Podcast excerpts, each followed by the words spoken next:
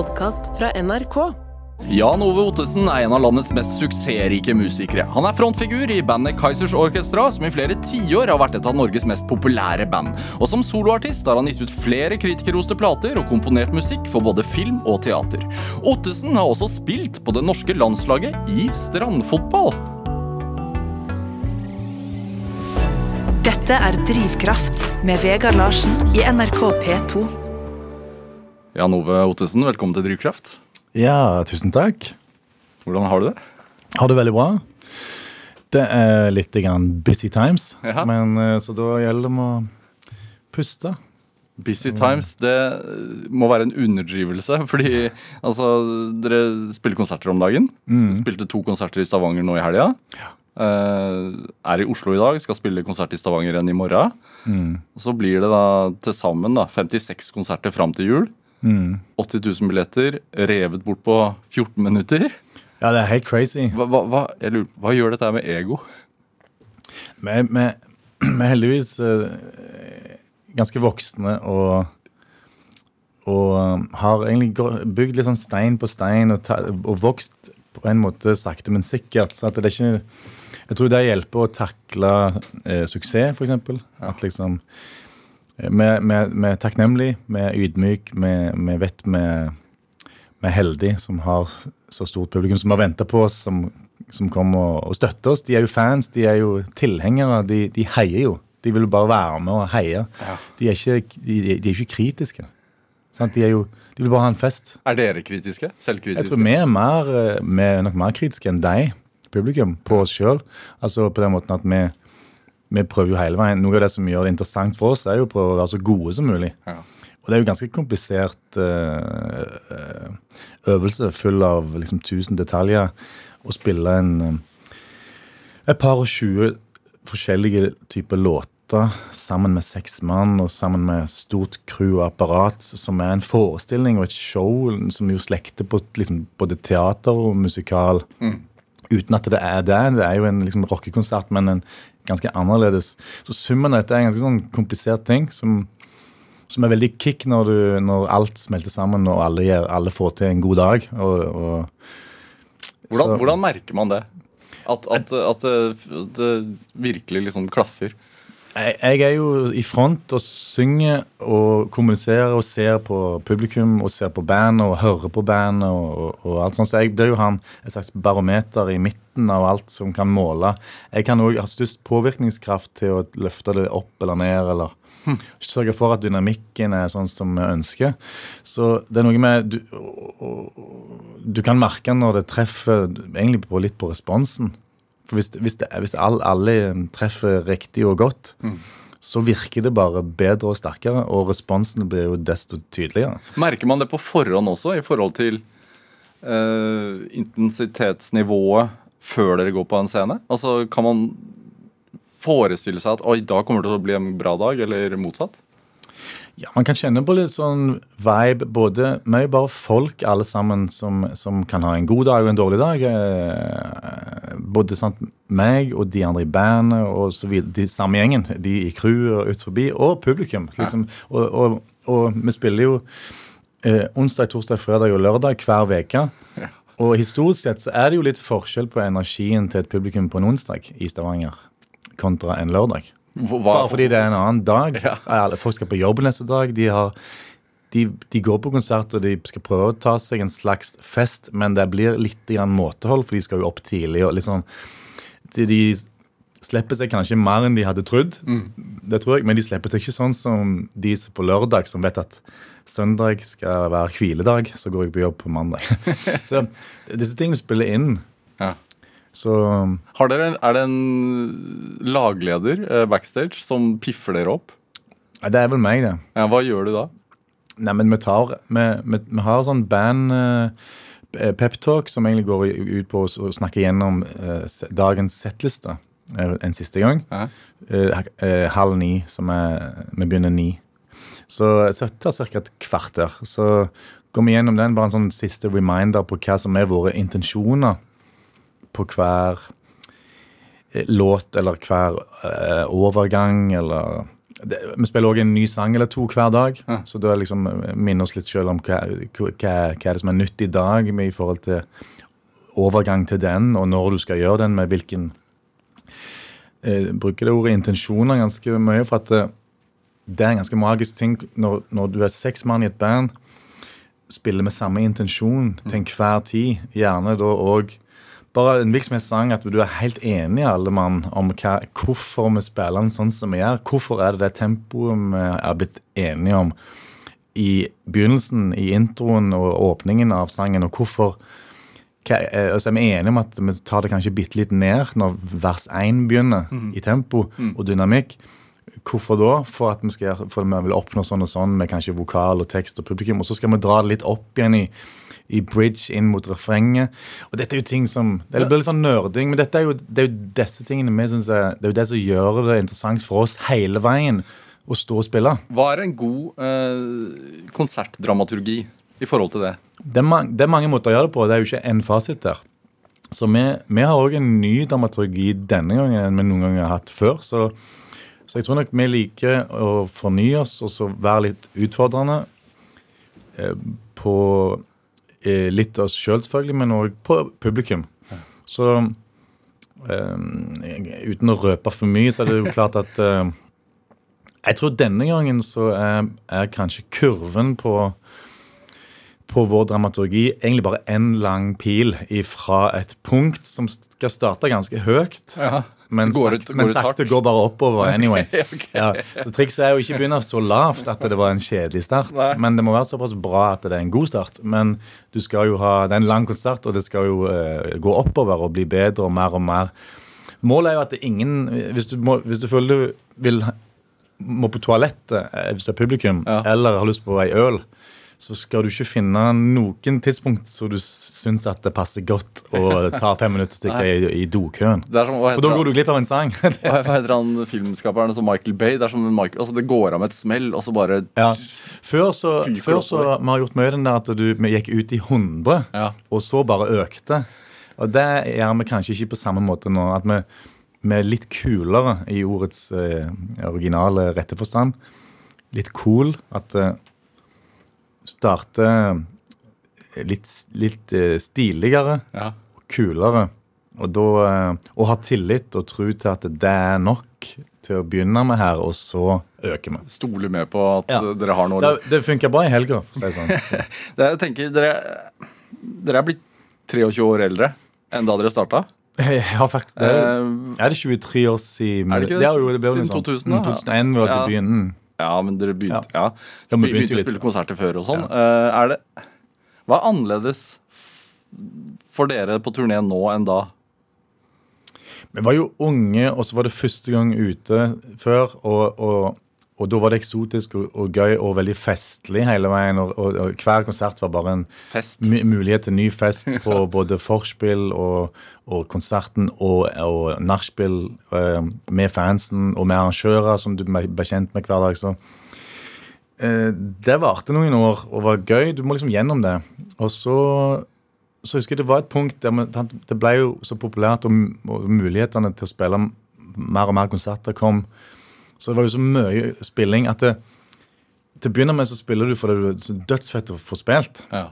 Men så kom det et punkt der du, det spiller så mye at det begynner å bli sliten at du egentlig kommer på at nå kunne jeg egentlig tenkt meg, nå hadde det vært digg å ikke spilt og hatt fri, men du må spille likevel. Det, en, det var en helt ny situasjon. At Vi har aldri vært der at vi spiller så mye at vi skulle gjerne ønsket vi ikke spilte litt. så det var sånn, en slags sånn breaking point. Det var sånn, nå, Det fantastiske er rutine, liksom. nå, der vipper det til sånn Det er nå vi vipper og blir profesjonelle. At dette er blitt vår jobb. Det er blitt solgt masse konserter som vi må fullføre. Vi kan ikke bare stoppe. Og selv om du var litt trøtt og lei av denne festen og, og, og den konserten, så kan du ikke slutte. Du, det er mer igjen. Så du må, du, da må du ha en ny innstilling. Ja. Så det var et sånn changing point. At du må finne, finne en ny grunn til hvorfor du nå skal gjøre det. Hva er din grunn? Nei, men Det var en sakte øvelse å bli vant med det. Det var litt sånn eh, Det var vanskelig. Det var ikke gjort på et knips, det. Men eh, jeg husker et annet magisk eh, øyeblikk var ca. etter fem-seks år hvor vi begynte å bli litt leie av å spille de gamle sangene om igjen og om igjen. At vi, men da klarte vi å, erkjenne det at de må vi, jo, vi må jo spille de. Så vi er nødt for å finne ut hvordan, hvordan kan det bli kjekt og interessant å spille de gamle sangene om igjen hver dag. Og da var det vi fant ut det som vi nettopp toucha på inn, i stad her. at eh, du, Det handler ikke om å spille den sangen for deg sjøl, at du kan den eller ei, for du kan den jo. Det er ikke det, Du prøver ikke å spille sangen rett. Du kan den jo. Men det, du, det, du, det som lever, som er ulikt hver dag, ta tak i det. Og det er jo tempoet og intensjonene i dynamikken og timingen. At den er felles, og at det lever, at det går opp og ned og att og fram i alle sånn 360. Helt uavhengig av hvilken sang det er. Ja. Da lever det, da er det en nerve der inne i bandet. Da gjør det at du må følge med. for det kan være, Og så begynte vi å egentlig med vilje dra mye i ting. I tempo og i timing. Sånn at du er nødt for å følge med. Så detter du jo helt ut. Og det var veldig bra trening. Uh, og det gjorde det interessant igjen. Da, da spiller du musikk sammen og uttrykker deg sammen med energi og, og bølge. Og i tillegg er jo disse tingene veldig bra som musikalske kvaliteter som faktisk virker på publikum. Ja. Så det var vinn-vinn-vinn-situasjonen der. Det er som Bob Dylan spiller sånne ugjenkjennelige låter. Ja, jeg kan forstå litt av poenget med det. Selv om jeg personlig ville jo likt at jeg, hvis han spiller Like a Rolling Stone, at jeg hadde kjent igjen sangen. Det, han tar det jo litt langt, Bob Dylan. Men er det Så det handler om å utfordre seg selv, da, rett og slett? For å, for å få noe igjen for det? Og, og gjøre det interessant. Ja, det er jo utfordrende å gjøre det interessant for seg sjøl. For du må jo finne din grunn til hvorfor, hvorfor skal du gidde å gjøre dette. Og hvorfor skal du repetere? Det er jo folk som setter opp sant, et teaterstykke. Skuespillere som skal gjøre da 60 show, akkurat det samme.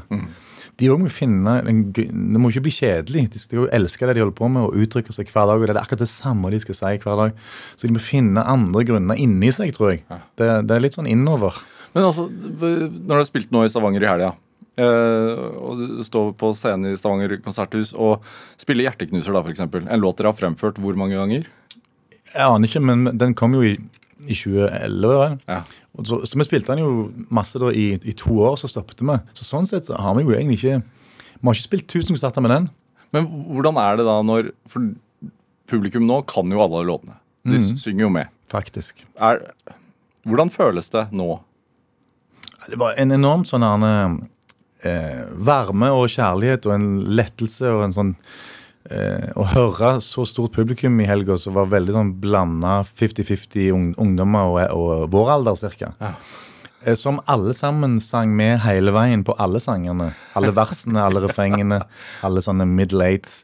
På alle sangene. Jeg trodde kanskje ungdommen ikke kunne alle sanger. De, har- de har hørt på kanskje de, de fem mest kjente, eller noe. Og særlig Hjerteknuser. Men de kunne jo de mest obskure kunne de òg hele teksten på. Så da, da har de eh, si, lest seg opp, eller hør, hørt seg opp og pugga tekst. For en som aldri vil stå på en scene og oppleve det der altså det, er, det, høres, det er jo helt absurd, det er, men samtidig Hvordan er det? Klarer du å liksom Det er jo egentlig en slags ultimate kompliment. Så det, jeg, jeg trenger ikke mer enn det. Og ifra derav så kan, da kan folk mene hva de vil. Når vi spiller, så spiller vi altså da 56 kjempeutsolgte konserter for enormt stort publikum, Ja. hvor alle ikke vil noe annet enn å bare være der akkurat nå og synge med og, og ha den festen. Og vi står egentlig bare til tjeneste og, og framfører disse sangene, sånn at de kan få lov å, å være med. Skal vi høre litt på hvordan det kan høres ut? Det er spillet fra Hjerteknuser eh, live fra Oslo Spektrum, vel? Fra 20, Dette er, nå er det, det er gamle dager. 2011? Ja. Du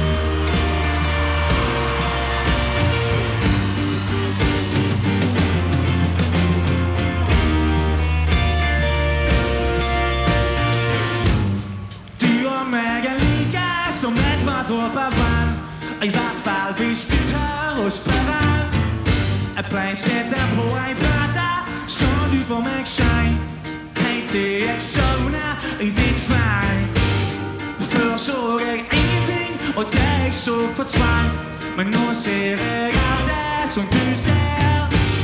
På min finger er ringen din, på ringen står det breit at du er min hjerteknuser.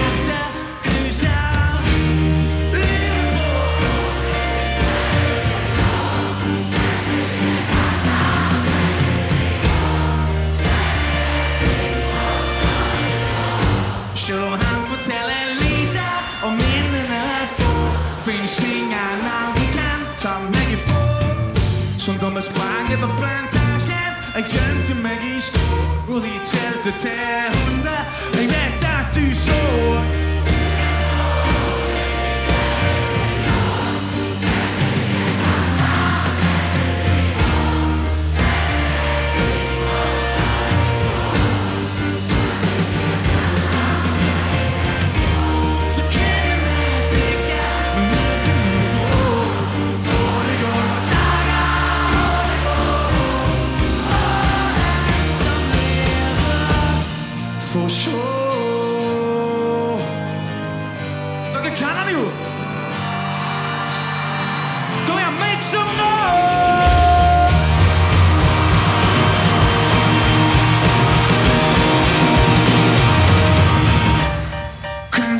Kanskje du ikke fins lenger. Kan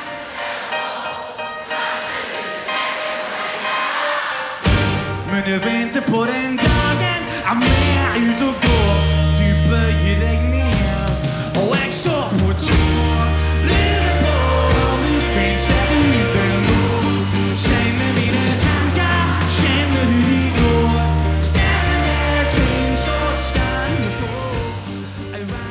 Ja, Du fikk en smakebit eh, av 'Hjerteknuser' av Kaizers Orkestra live fra Oslo Spektrum eh, fra 2011 her i Drivkraft på NRK P2. En låt vi spiller i dag fordi at eh, Jan Ove Ottesen, altså vokalisten i, Kaizers Orkestra, er dagens gjest her i Drivkraft. Hvilke sanger kan du synge utenat, som ikke er deres egne? Ja, Det er egentlig et godt spørsmål. Jeg kan ikke liksom hele teksten. Det er typisk sånn karaokesituasjon at uh, Når sto du sist i eh, en konsertsal og sang med? Åh, Når var det, da? Det kan jeg faktisk ikke huske, for det, det er lenge siden jeg har vært på sånn type konsert. Men, uh, men jeg husker jo at uh, jeg har vært og sett Mardugada, eksempel. De er jo parallelle med oss, så kollegaer og, og, og gode venner. Så jeg var og så de i Stavanger konserthus, og da kan jeg jo der kan jeg jo flere av sangene. Ja. Det var veldig god stemning. Synger du med, da? Eller tar du Jeg er k- jeg er ikke sånn for full hals, men litt forsiktig, kanskje. Ja. Er det Altså, jeg leste et intervju med deg ehm, for ja, ca. utgitt for nøyaktig ti år siden. eh, hvor du ble intervjua om at Kaiser skulle gi seg, eller ta pause, eller hva som var forklaringen den gang. Og da sa du at det var på tide fordi at du ville gi familien førsteprioritet. Hvor mye dårlig samvittighet er det involvert når man velger et eh, yrke som turnerende kunstner? Uh, mm, det var egentlig bare en naturlig følge. Det var jo ikke noe i Altså her, føl, her, her følger vi jo bare hjertet og mulighetene og vår passion, vår lidenskap med, med vår hobby, som er musikk, som vi fikk til i så stor grad at vi fikk muligheten til å spille, og da må du reise mm, mer og mer. Vi kunne reist mye mer òg. men vi, men eh, vi satte tak på det. Så vi spilte jo ikke maksimum alt som var mulig. Vi sa jo mye nei. Hvorfor? For å, nei, men for å begrense. Det var for mye. Så vi fant jo en balanse, er vel det som jeg skal fram til, som var bærekraftig egentlig for familiene. For at vi hadde jo alle I den, det tiåret hvor det sto mye på, så hadde alle familie og barn, unntatt Geir, som var eh, singel etter hvert og hadde ikke barn. Han er jo, Nå har han fått eh, både kone og flere barn, så nå er han i den situasjonen som vi var i da. Så nå er, vi, nå er han på en måte like. Nå skjønner han hva det var vi snakket om. At, at det var litt busy hjemme òg. Han skjønte ikke det den gangen, ja. Nei, Sist var det sånn Ja, skjerp deg. Ja. Men nå er det han som må skjerpe seg. Så nå, nå er det litt uh...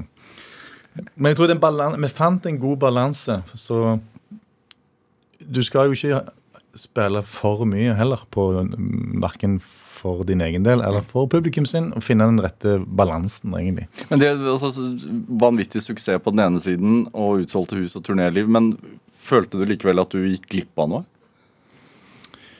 Ja, av og til Av og til så Det som du kanskje følte du gikk litt glipp av, var Jeg merkte mine venner og sånn hadde jo det, det, dette her med at det ble helg.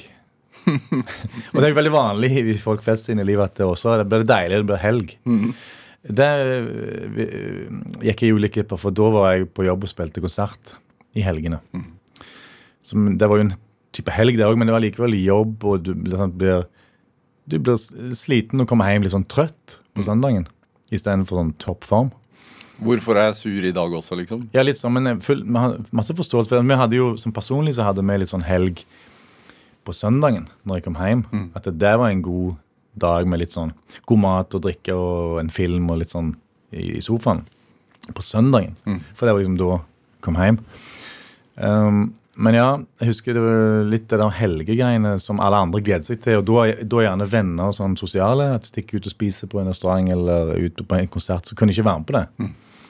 For jeg var jo vekke. Så det var litt, det var, det var kanskje en av de tingene som jeg vet skjedde hele veien. Og så har du òg dette med ungene som gikk på fotball og sport, og som gjerne hadde kamp i helga. Så går du glipp av dem. Hvordan føles det? Um, du, vil, du vil jo bare være med på mest mulig, så var det Det var liksom ingenting å gjøre med det. Så man føler jo Man har lyst til å bare støtte. Så, man, så lenge man har en sånn god Jeg har veldig godt forhold til våre unger. De er jo blitt 24 og 20 nå, da, så de er jo voksne folk. Men, men, men de har jo superbra eh, forhold og tone og kommunikasjon den dag i dag. Det tror jeg vi hadde da òg. Det er derfor det funker ennå. Og de forteller jo at de, de Når de tenker tilbake, så kommer de ikke på at jeg var på reise i det hele tatt. Så det sier, jeg forteller jo noe At de Vi lagde ikke så stort poeng ut av at nå er det onsdag, nå reiser jeg igjen. Farvel. Det, det var liksom ikke sånn, det var nesten som sa ingenting. Bare, bare var vekke på onsdagen, forsvant jeg, spiller konsert. Ringes jo og sånn. Litt som å jobbe i olja. så kom jeg igjen på, ja, kom igjen på søndagen, og da heller ikke noe sånn big sånn reunion party, annet enn at gøy at det er bare en lang helg, at det er helg på søndagen òg, med litt god mat og drikke. Så, så jeg tror Ja. Jeg vet at andre har lagt større nummer ut av. Nå reiser jeg igjen. For hvis du skal lage et stort nummer ut av det hver onsdag, så bygger du kanskje en sånn kultur på at å nei, nå, nå er det det der greiene med farvel igjen og igjen og igjen. Så vi, vi lagde det til bare en sånn Det er en del av hverdagen. I tillegg må vi jo si at uh, min fru har jo gjort en fantastisk eh, jobb med å holde fortet. eh, på òg mine vegne, da, når jeg ikke har vært der. Så det er jo summen av godt teamwork i familien. og Og dere har vært så vidt jeg vet, vært sammen siden tenårene, og, og hun har vært involvert også, eller er involvert. meg, meg og hun jobber sammen eh, Hele- 100 i alle, alle prosjekter vi har, har gjort offisielt i vår egen eh, AS i over ti år nå. Bestemte dere for dere det? At vi, familiebedrift, vi er en familiebedrift. Uh, Ja, for, ti-tolv 10-12 år siden da vi stifta den bedriften, så, så gikk vi jo all in på det. For hun var jo daglig leder i en sånn eiendomsforretning i ti år før det. Så det var jo liksom en helt annen forrektig business hvor hun var daglig leder for ganske mange ansatte. Men hvor vi så at eh, vi vi kan få enda kulere, kjekkere liv sammen hvis vi har samme eh, Hvis vi jobber på samme sted, og dermed er begge er, er, er sjefer her i vår egen lille bedrift. sånn at vi kan da styre vår egen kalender, vår egen timeplan. Hvis vi vil ha fri på en tirsdag, så tar vi bare fri. Og den fleksibiliteten er jo verdt mye for oss. Så Hva er viktig for deg da, i livet ditt, sånn eh, bortsett fra å spille bra konserter? eh, den tryggheten som jeg har med min fru og, og, og barn, at vi er helt eh, trygge på hverandre på alle mest mulig plan, den er veldig viktig. For det, det er min base. Sånn at eh, når det sitter, så eh, Da blir du litt untouchable. Da kan alt annet bare prelle av. Hva er hemmeligheten bak å bygge en sånn bra grunnmur? Eh, kanskje det kan være eh, kommunikasjon, og så vil jeg si eh, utvikling og endring. At du embrace change, som det heter på engelsk. Ja. At uh, Særlig vi som har vært i lag siden vi var 15-16 år, har jo opplevd enorm endring og forandring. Både individuelt, selvfølgelig, ifra du er så ung, til, til og, og som par. Det er jo ikke, det er jo ikke samme man, man har jo ikke ett type forhold når du er 18, og så er det det samme forholdet du har når du er 28 og 38 og 48. Nei, heldigvis ikke. Men samtidig så er det morsomt å se det med alderen og tiden at eh, det du gjerne nå, når vi er så voksne som vi mulig kan, kan bli her um, Så leter du egentlig, begynner du å se litt tilbake at, at du må ikke glemme å, være, å bare leke og have fun and games. For du, selv om du blir eldre. sant?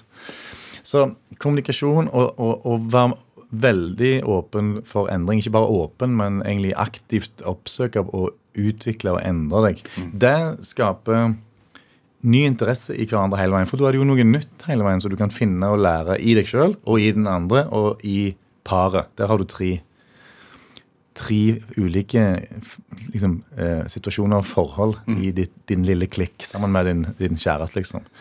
Så jeg vil si det, hvis vi skal ta bare overskriftene. Er det, er det um, det med å være åpen for forandring Uh, Og det at du tok den pausen også, det åpnet jo uh, en ny retning for deg musikalsk også. Uh, gitt ut fire soloalbum, men også lagd musikk for teater og film. Mm.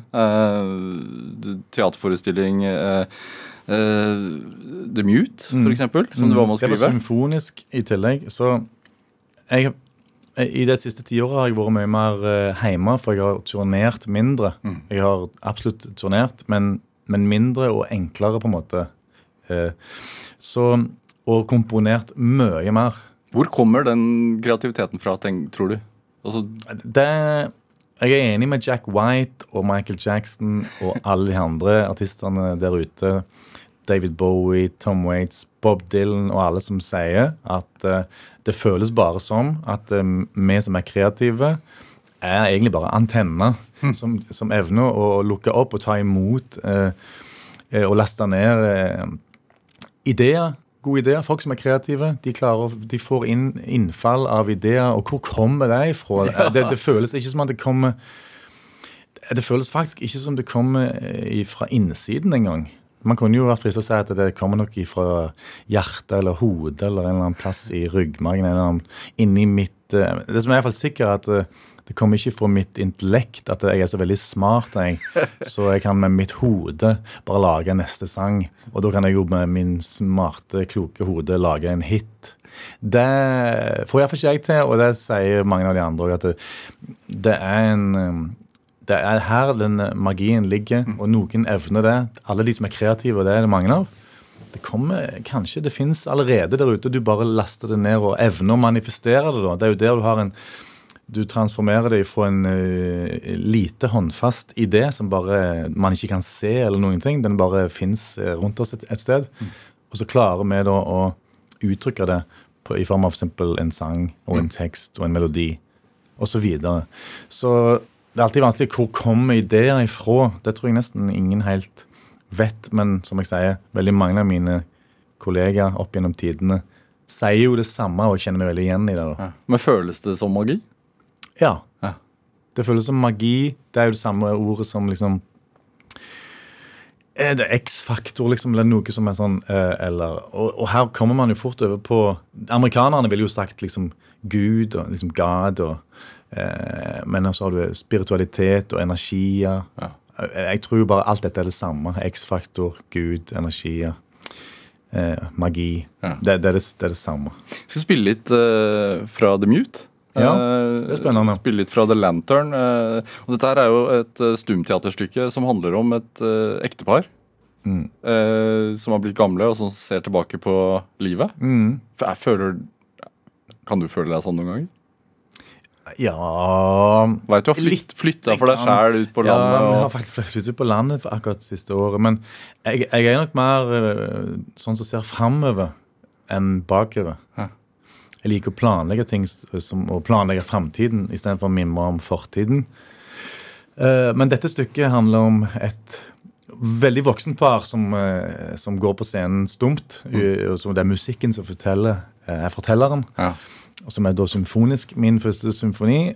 eh, og, og så viser de De går og skjelver og er veldig veldig gamle, så de er 100 år gamle. Men så blir de unge, da. Så får du se sånne magiske øyeblikk som var sånn definerende i livet gjennom stykket. da, Helt til the bitter end. Så dette, dette er vel avslutningssangen som jeg syns var gøy å vise, for den rommer eh, fire-fem av eh, de temaene som går igjen i stykket, kommer nå oppå hverandre i en klassisk sånn Så Og så starter det litt sakte, og så bygger det seg? Den bygger fra helt lavmælt til at det tar helt av på slutten.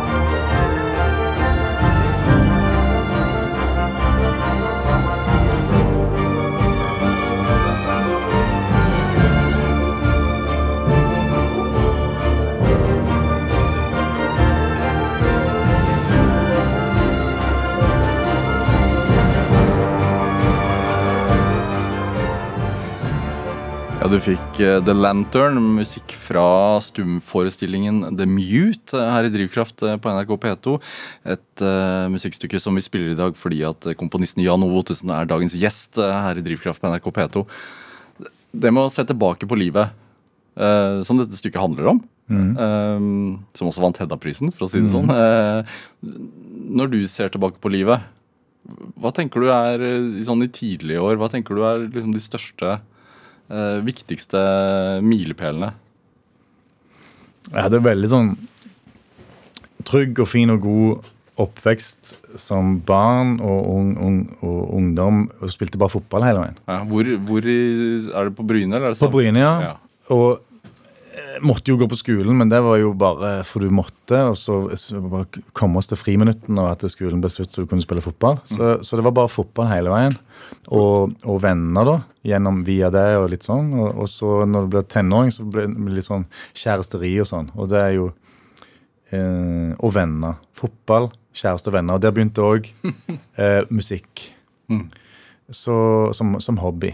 Så gjorde, jeg- gjorde jeg jo den balans, den øvelsen der til du er 19 og, og liksom er ferdig med, med gymnastiden og, og sånn. Og der kommer det store valget, for da er det Hva skal du gjøre nå? For nå, nå flytter jo alle ut i verden og, og studerer.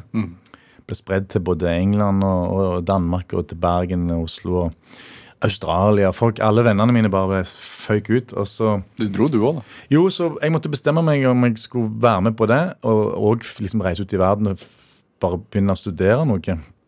Eller, eller bli igjen på Bryne og satse på fotball. For Ja. det var helt sånn 50-50. Og du, du, var også bare sånn, du var god i fotball. Du var på, Jeg, du jeg var på landslaget i fotball. og- Midtbanespiller. Faren din var veldig Faren min god i var fotball. landslagsspiller, spilte på Bryne. Så vi hadde fotball i familien, og jeg var ganske bra. Så bra nok til å liksom være på de gode lagene til Bryne, og tatt opp i A-lagsstallen der som eh, 17-18-åring. Ja. Og på landslaget. Det er ikke noe lett valg. Nei, det var jo ikke lett valg. Så det var det, det, var det første sånn veldig alvorlige valget jeg måtte velge. Og da, Hvilke forventninger hadde mor og far til deg da, i forhold til valget? jeg tror de tenkte at jeg må jo satse på fotballen, siden jeg hadde, for det er noe du har bygd opp i 15 år fra du var liten, og så blitt god i. Og liksom, hvis du stopper med det et år eller to, da mister du det jo. Liksom, det er en sånn one shot. altså Hvis du skal, hvis du skal bli fotballspiller, må liksom fortsette. Hvor ofte unnskyld at jeg avbryter deg, men hvor ofte hadde du sett det derre målet til Rune Ottesen, altså faren din, mot Sverige?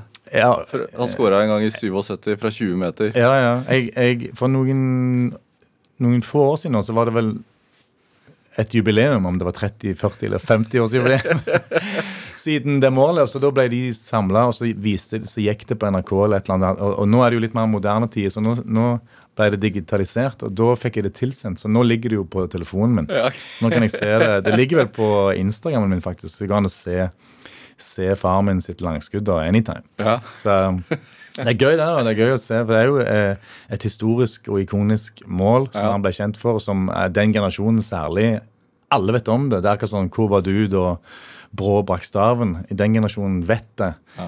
Og så har du samme gjengen vet at Rune Ottesen skårte langskudd mot Og så, så slo Sverige. Valgte du da fotball, eller ble det valgt for deg?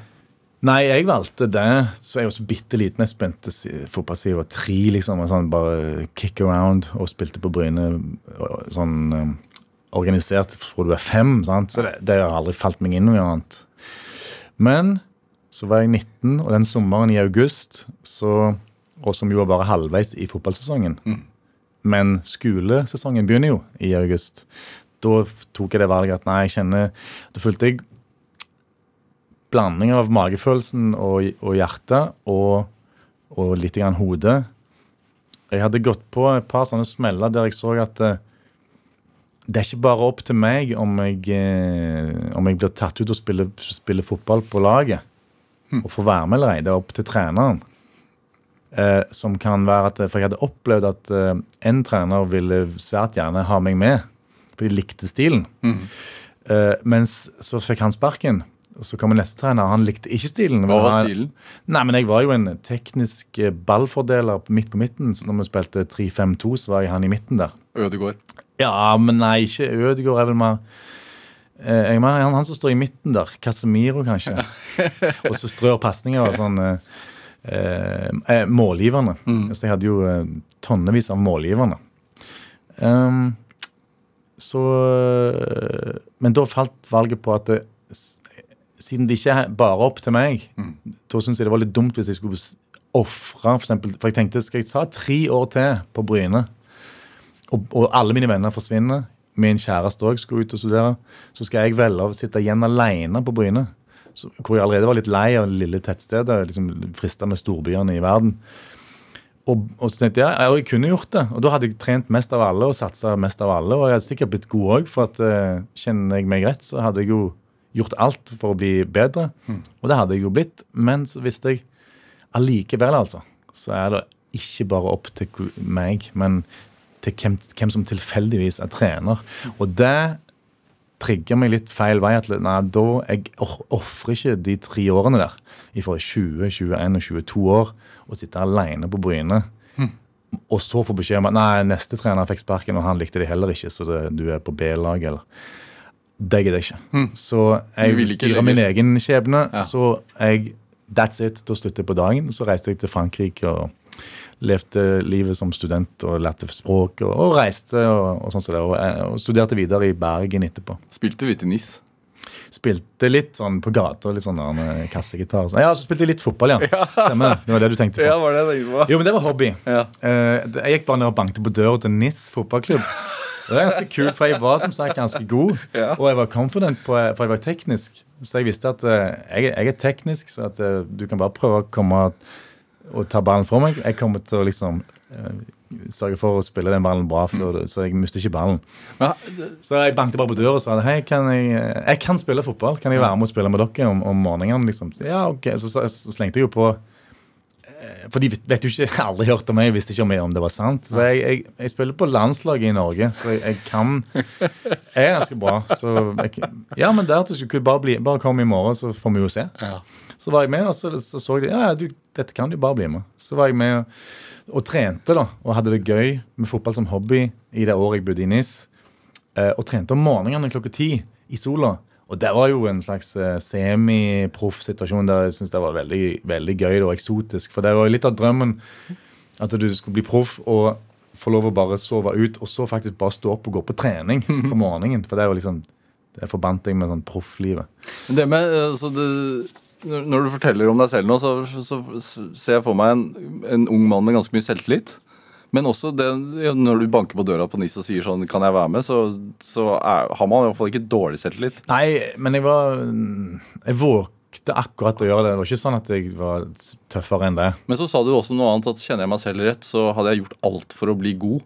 Ja, jeg vet jeg hadde For man kan jo si sånn Ja, men man vet jo ikke helt hvordan jeg hvor mye, hvor mye bedre hadde jeg blitt da? Jeg var, jeg var god. Men sånn Kunne jeg blitt kjempegod hvis jeg satsa i tre år til? Men i andre sider av livet så har du det samme. Altså at, det er, at du har en, et behov for å gå 100 inn, og at, du er, at det er noe i deg som Ja, bare det er det, jeg- det er det jeg mener. Jeg kjenner meg sjøl. Jeg vet at jeg er jo bare med litt sånn all in. Jeg er jo ingenting jeg holder på med bare bitte litt. uh, og derfor så vet jeg jo Jeg hadde jo gått all in da i tre år. Ja. Og jeg sier jo tre år, ikke ett år. Det er ingen illusjon om at gi meg eh, fire måneder, skal jeg bli verdens beste. Men gi meg tre år, skal jeg bli jævlig mye bedre. Hvordan var det å flytte hjemmefra? Det var, det var ingen problem for meg. Der, der var det jeg liksom lengt, lengta etter å komme ut i verden.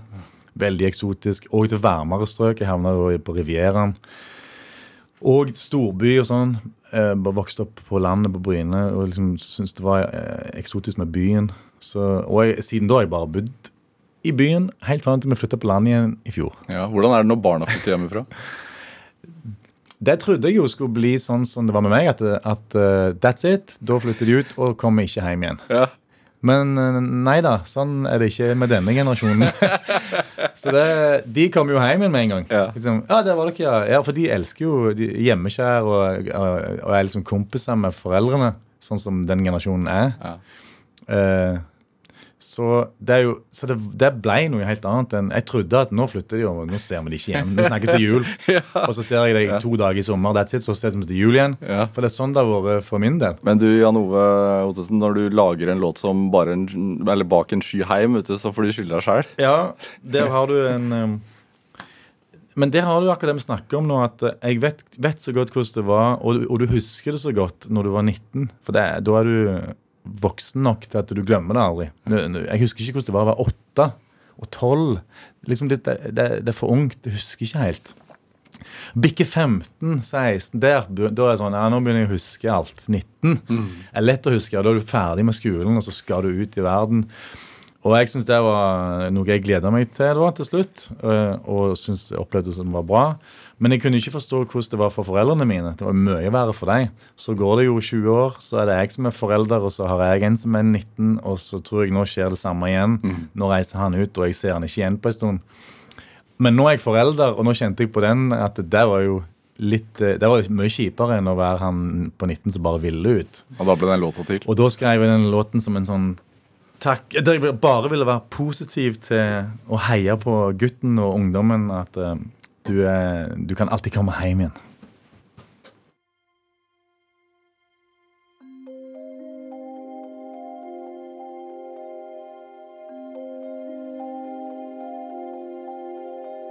Du skriver en nytt kapittel fra den dagen du følger 19. Og dette ut av de mor sitt reir. Flyr din egen vei. Du skal gå der ingen har gått før. Stå i det som ingen har stått i før. Du skal bli glad, du skal bli lei. Og samme hvor langt du flyr for ditt reir, er det aldri lenger enn bak en sky. Hei.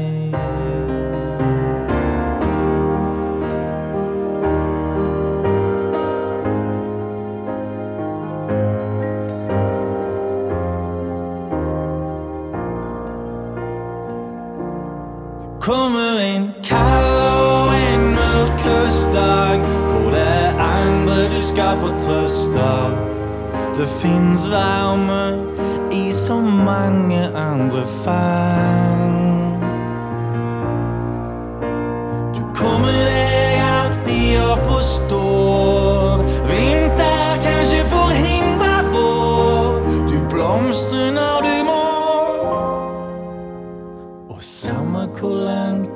Flyr for ditt reir, er det aldri lenger enn bak en sky.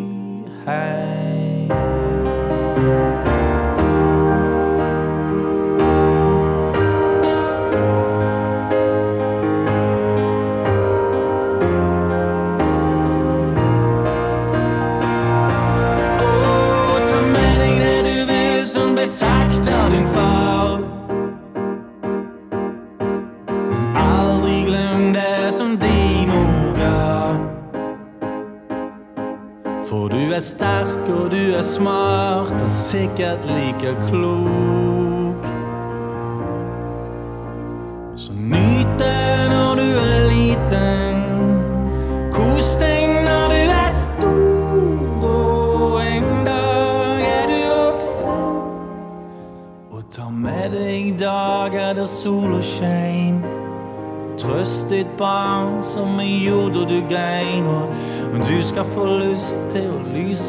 Hans vei. Men han må fly sjøl, og som din far skal du si at samme hvor langt du flyr for ditt dreier, er det aldri lenger enn bak en sky. Ja, Du fikk en smakebit av eh, Bak en sky heim av eh, Jan Ove. Den låt vi spiller her i Drivkraft på NRK P2 i dag, fordi at Jan Ove Ottesen er dagens gjest her i Drivkraft. Det er en ydmykhet i den låten her òg. Ja, nå var det en stund siden jeg hadde hørt den, og jeg har ikke spilt den heller på lenge, så jeg hørte på teksten at ja, det er en ydmy, det er bare ren kjærlighet. Det er en sann historie til, fra meg til min sønn, da jeg ville bare gi han en siste sånn Istedenfor Istedenfor så- pekefing og sånn eh, Nå må du oppføre deg og passe på når du reiser ut. For det, var liksom den uka han skulle reise hjemme til, ut, til, Oslo faktisk og studere. Så det bygde seg opp i deg? Ja, så, bygde, så merket jeg at jeg fikk ikke jeg, det ble, jeg fikk ikke sagt det som jeg ville på en sånn positiv måte. Så jeg, så jeg, jeg var litt sånn sur på meg sjøl at jeg ikke hadde, hadde de rette ordene på en positiv måte. Så jeg gikk ut og så skrev heller en sang som da, da, da målet var Si det ren kjærlighet, bare positivt. Ingenting som pekefing. Og helt åpent og raust og ydmykt. Og ren sånn kjærlighet eh, fra far til sønn. Som jeg da kom inn og, så, og spilte til han. Så var jo det et veldig sterkt og flott eh, øyeblikk. Og så gikk det noen dager, så spilte han flere ganger. Og spilte han inn kjapt i studio ned, så han kunne spille han sjøl. Og, litt sånn. og så sa vi Den var jo egentlig Den ble jo veldig fin, egentlig, den der. Så ja. Um, så tenkte vi er det greit å spille den inn og så gir den ut. Så, ja, men det var bare stas. Og så, så da fikk jeg gjøre det. Og dermed så Derfor så er den en sang som ikke var meint til alle, men som var, egentlig var bare til han. Så det er helt sant. Og det er noe med, da må man, må, må man jo kanskje tro på at når det er så rent og så sant og ingen annen intensjon det for, eksempel, eksisterer jo ikke en tanke om at du skal hverken spille det inn og gi det ut og tro at det skal bli en hit eller whatever. Det fins ikke. Det er bare en ren kjærlighetssang mellom far og sånn. Men så fikk jeg lov igjen ut, og så finner da folk at de kjenner seg igjen. For andre òg har det jo helt, helt likt, viser det seg. Så jeg har fått mange foreldre, eh, fedre, som har kommet og takket meg for den. For da slapp de å ha konfirmasjonstalen. Da setter de bare på den heller. Så jeg, det jeg vil si til deg, sønn, er sånn cirka det som han her synger her. Vær så god. Er det det, det at eh, det er så personlig med den låten, eh, kontra mye av musikken til Kaizers, eh, som sikkert også er veldig personlig, men, men som også har det teatralske og det fantasiuniverset. Hvorfor, eh, Når oppsto det? Den tanken om at vi skal lage et band, vi skal spille låter, men vi skal også ha skape et eget univers. Jeg tror det var For før det så gjorde vi det jo ikke. Da skrev vi vanlige tekster om å gå på kafé og sånn. Være student og sånn. Eh, så tror jeg bare at vi ble så avkledd, og folk andre gjorde det bedre enn oss, rett og slett. Sånn at jeg kjente Jeg, jeg, jeg følte Jeg vil jo jeg vil jo si og synge og proklamere noe som føles som verdens kuleste, viktigste budskap. Så da fant jeg ut at hvis jeg dikte opp masse karakterer og historier som, som jeg bare egentlig hilser for og skal si dette her har skjedd, og det er litt mer fantastisk i, i ordets rette betydning. At det er, den virkeligheten vår som studenter i Bergen var jo ikke så fantastisk. Det var ikke noe å rapportere om som var så viktig og spektakulært at, at vi kunne sette ord på det og gi det ut. Så skulle det være interessant. Det var jo bare å være helt streit student. og ikke, jeg fikk ikke til det. Så heller skrive om noe fantastisk som du har oppdikta, men som du sier, det er masse personlige ting og referanser og måter å snakke på og, og eh, måte, syn på livet osv. som er personlige ting i de fiktive tekstene. Så eksempel den sangen du spilte i stad, som var 'Hjerteknuser', er jo en del av en helt fiktiv historie, og den sangen er jo òg bare helt fiktiv. Men tematikken er jo universell. Jeg holdt på å si Star Wars er jo en eh, flott uh, filmserie. Den er jo òg fiktiv. Lete etter men, forelder. Ja, men det er jo universell mm, eh, tematikk der. Ja. Så det er klart, eh, her, her har du to forskjellige Baken Skyheim er helt sann, og da kan man si det er derfor han virker. Ja, Hjerteknuser er bare løgn jeg holdt på å si, og fantasi, men den òg virker. Så det er to eksempler på fiksjon og virkelighet. Begge kan treffe hjertet, egentlig. Hvor, hvor i kontakt eh, med følelsene dine er du? Er du, du er jo følsom på scenen. Er du det hjemme også? Ja, vi, vi, vi, vi er gode til å sette ord på ting og, til hverandre, ja. Så, og jeg, da. I, i, jeg skal ikke snakke for alle de andre så, i familien, men, men vi er flinke hele gjengen. Og vi kan si hvor glad vi er i hverandre skikkelig liksom, tydelig og snakke om det. Gjør dere det i band òg? Ja, faktisk som begynt med det i, i år.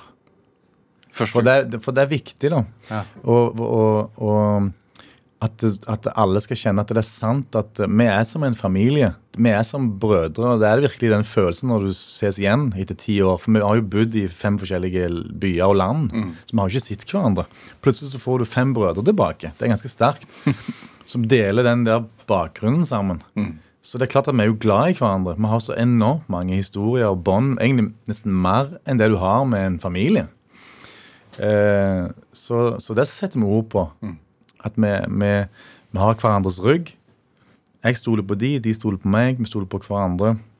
Masse tillit. Med, med, ja, nei, det, det, er en, det er en god plass å være akkurat nå. Vi har alltid hatt god stemning uh, tross liksom ups and downs i, i hvor man er i livet osv. gjennom nå er vi på tredje tiåret, liksom. Det er jo lenge.